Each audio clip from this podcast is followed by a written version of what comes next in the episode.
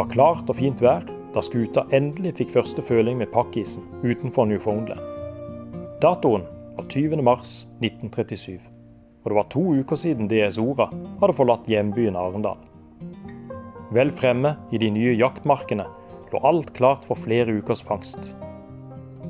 Den 25 år gamle Petter Agerholt Pettersen fra Arendal så fram til å komme i gang med jakten. Pettersen hadde mønstret på som fangstmann, men skulle også bistå som flymekaniker. Det var første gang en norsk selfangstekspedisjon var utstyrt med et eget rekognoseringsfly. Besetningen telte 54 personer og besto av drevne selfangere fra Sunnmøre, lokale arendalsgutter samt en pilot fra Østlandet med flyerfaring fra Antarktis. Samme dag som DS Ora ankom pakkisen, felte andre styrmann det første byttet med en fulltreffer fra 100 meters hold. Litt senere på dagen doblet han fangsten. På kvelden var det god stemning om bord. Kaptein Bratteli spanderte en dram på hele mannskapet for å markere at jakten var i gang. På sengekanten skrev Pettersen ned dagens opplevelser i den medbrakte dagboken. Etter en kort opptelling noterte han. Nå har vi bare 59 998 sel igjen. Ora-ekspedisjonen skulle skaffe Norge nye jaktmarker, samt blåse nytt liv i sørlandsk ishavsfangst. I stedet endte toktet med konflikt og anklager om sabotasje og mytteri. Bli med på tokt inn i polarhistorien. Dette er åttende episode av Polarpionerene, polarhistorien sett fra Sørlandet.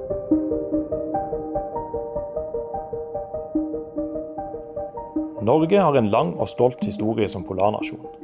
Historiene om Nansen, Amundsen og polarskuta Fram står som bautaer i norsk polarhistorie. Nasjonalheltene som kjempet og slet seg fremover i ukjent og islagt terreng. Også sørlendinger og skip fra landsdelen har gjort viktige bidrag i norsk og internasjonal polarhistorie. Denne podkasten, Polarpionerene, polarhistorien sett fra Sørlandet, ønsker å trekke disse historiene frem i lyset, og samtidig gi et innblikk i den fascinerende polarhistorien. Mitt navn er Gaute Christian Molaug. Jeg er historiker og arbeider som arkivar og formidler ved Aust-Agder museum og arkiv. I polarhistorien inngår også historien om ishavsfangsten. De første som utforsket nordområdene, var fangstmenn som jaktet på sel og hval. Også sørlendinger fant veien til nordområdene for å jakte. De første som dro, havnet der ufrivillig. I podkastens første episode kunne du høre historien om kaptein Hetting og mannskapet på Koffen Fortuna, som endte opp på ishavsfangst utenfor Grønland i 1838. Etter et forlis i Nordsjøen ble de reddet av et tysk fangstskip som skulle nordover. Den tyske kapteinen hadde ikke tid til å seile de hjem til Norge, så sørlendingene ble pent nødt til å være med. På 1880-tallet fant flere sørlandske skuter veien på ishavsfangst i nord. Men på begynnelsen av 1900-tallet oppga de fangsten. I 1937 ble det gjort et nytt forsøk på å gjenopplive sørlandsk ishavsfangst. Forsøket ble alt annet enn vellykket. I denne episoden skal du få høre historien om den famøse Ora-ekspedisjonen. Historien begynner på Bratteklev på Tromøya utenfor Arendal. Norsk selfangst med havgående skip tok for alvor av på 1800-tallet. I 1918 var det flere skip med i selfangsten enn noensinne. Men så kom nedturen. På 1930-tallet var norsk selfangst inne i en bølgedal. Økonomiske verdenskriser, politisk regulering av fangsten og redusert selbestand i de gamle fangstområdene førte til at norsk selfangst ble en næring i krise. Det var tid for å finne nye jaktmarker. Områdene utenfor Newfoundland på Canadas østkyst virket lovende. En av dem som ønsket å søke lykken vestover, var Lodin Berdon Bratli fra Balsfjord i Troms. I de harde 30-åra var det vanskelig å finne finansiering til et slikt prosjekt. En skipsreder fra Arendal skulle bli løsningen. I 1936 kom Bratli i kontakt med skipsreder Søren Hans Smith Sørensen på Bratteklev ved Arendal. Tankreder Smith Sørensen var ikke ukjent med ishavsfangst. I 1880-årene hadde hans far, Ole Bertinius Sørensen, sammen med flere andre arendalsredere drevet ishavsfangst i Vestisen, Østisen og Grønlandsredet. Sørlendingene hadde imidlertid gitt opp fangsten på begynnelsen av 1900-tallet. Bratli overbeviste Smith Sørensen om at det lå store penger i selfangst. Det var først og fremst selskinnet som ga inntekter, men også selspekket ga fortjeneste, fordi det kunne kokes til seltran. Smith Sørensen hadde også en annen agenda med ekspedisjonen. Som ordfører i Tromøy kommune hadde han også et ønske om å få flere av sine sambygdinger i arbeid.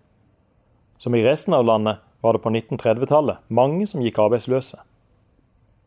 Skipsrederen fra Tromøy hadde skipet DS Ora liggende i opplag.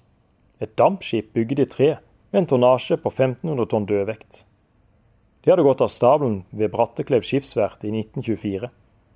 Skipet var det siste som var blitt bygget ved familiens verft. Ifølge Lodin Bratli var DS Ora perfekt for selfangst. Smith Sørensen tente på ideen, og engasjerte Bratli som kaptein. Før avreise i mars 1937 ble skipet kraftig oppgradert. Ved Pustnes Mekaniske Verksted på Tromøya ble skipet omgjort til en selfangstskute. Skuta fikk ishud fra kjøl til dekk, kokekjeler og tanker for spekk. DS Ora ble også utstyrt med et moderne Stinson-fly. Dette var første gang en norsk selfangstekspedisjon hadde med et eget fly. Da DS Ora reiste ut fra Bratteklev i starten av mars 1937, lå alt til rette for et nytt fangsteventyr. Det begynte bra. Fra cockpiten i Stinson-flyet kunne den erfarne piloten Alf Gunnestad den 24.3.1937 rapportere om store mengder sel.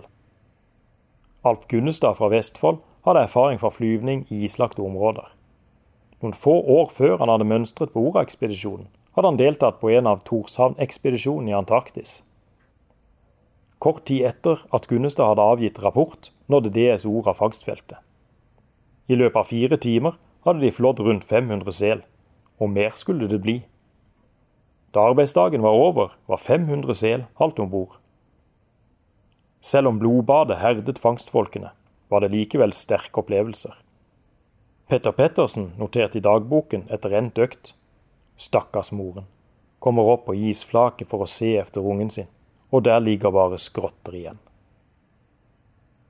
Etter to gode fangstdager var plassen tømt for sel. Det var på tide å lete etter en ny selflokk. Det skulle imidlertid vise seg å være vanskeligere enn antatt. I slutten av mars frøs DS Ora fast i isen. Dagene i isødet ble flere, og frustrasjonen blant mannskapet vokste. Det var lite sel i sikte. Lite fangst førte til at store deler av mannskapet ble gående arbeidsledig. I hyrekontraktene var mannskapets lønn avhengig av hvor god fangsten ble. Det hjalp heller ikke på stemningen at kapteinen tok en del uheldige avgjørelser. Mistilliten til kapteinen økte, og det hardbarkede mannskapet var ikke redd for å si ifra. På arbeidernes internasjonale kampdag ble det arrangert 1. mai-tog om bord. Mannskapet holdt paroler og sang en selvkomponert sang til ære for kaptein Brattlid. Både talen og sangen hadde en brodd mot kapteinen, og i dagboka noterte Pettersen. Dagen endte med at skipperen var hvit av raseri. Stemningen om bord ble ikke bedre da deler av mannskapet sådde tvil om DSO-a var solid nok til å drive ishavsfangst. Området DSO-a seilte i var værhardt, og ishavsfangst krevde at skipet var solid nok til å tåle de store påkjenningene. Ifølge skipsreder Smith Sørensen skulle skipet være en av de mest solide treskuter som var blitt bygget i Norge. Etter en snau måned i isen var det ikke alle som stolte like mye på en slik beskrivelse. Pettersen var en av dem som var kritisk. I dagboken skrev han Skuten er i meget dårlig forfatning. Spanten i baugen kan plukkes i stykker med bare fingrene. Man kan uten vanskelighet grave seg igjennom til ishudene. Ansvarsløst å sende en båt i slik forfatning opp i isen. I maskinrommet har den også begynt å høre lyder som fikk maskinisten til å bekymre seg for om propellen var løs. Den 25. mai 1937 ankom DS Ora havnebyen St. Johns på Newfoundland for å bunkre kull.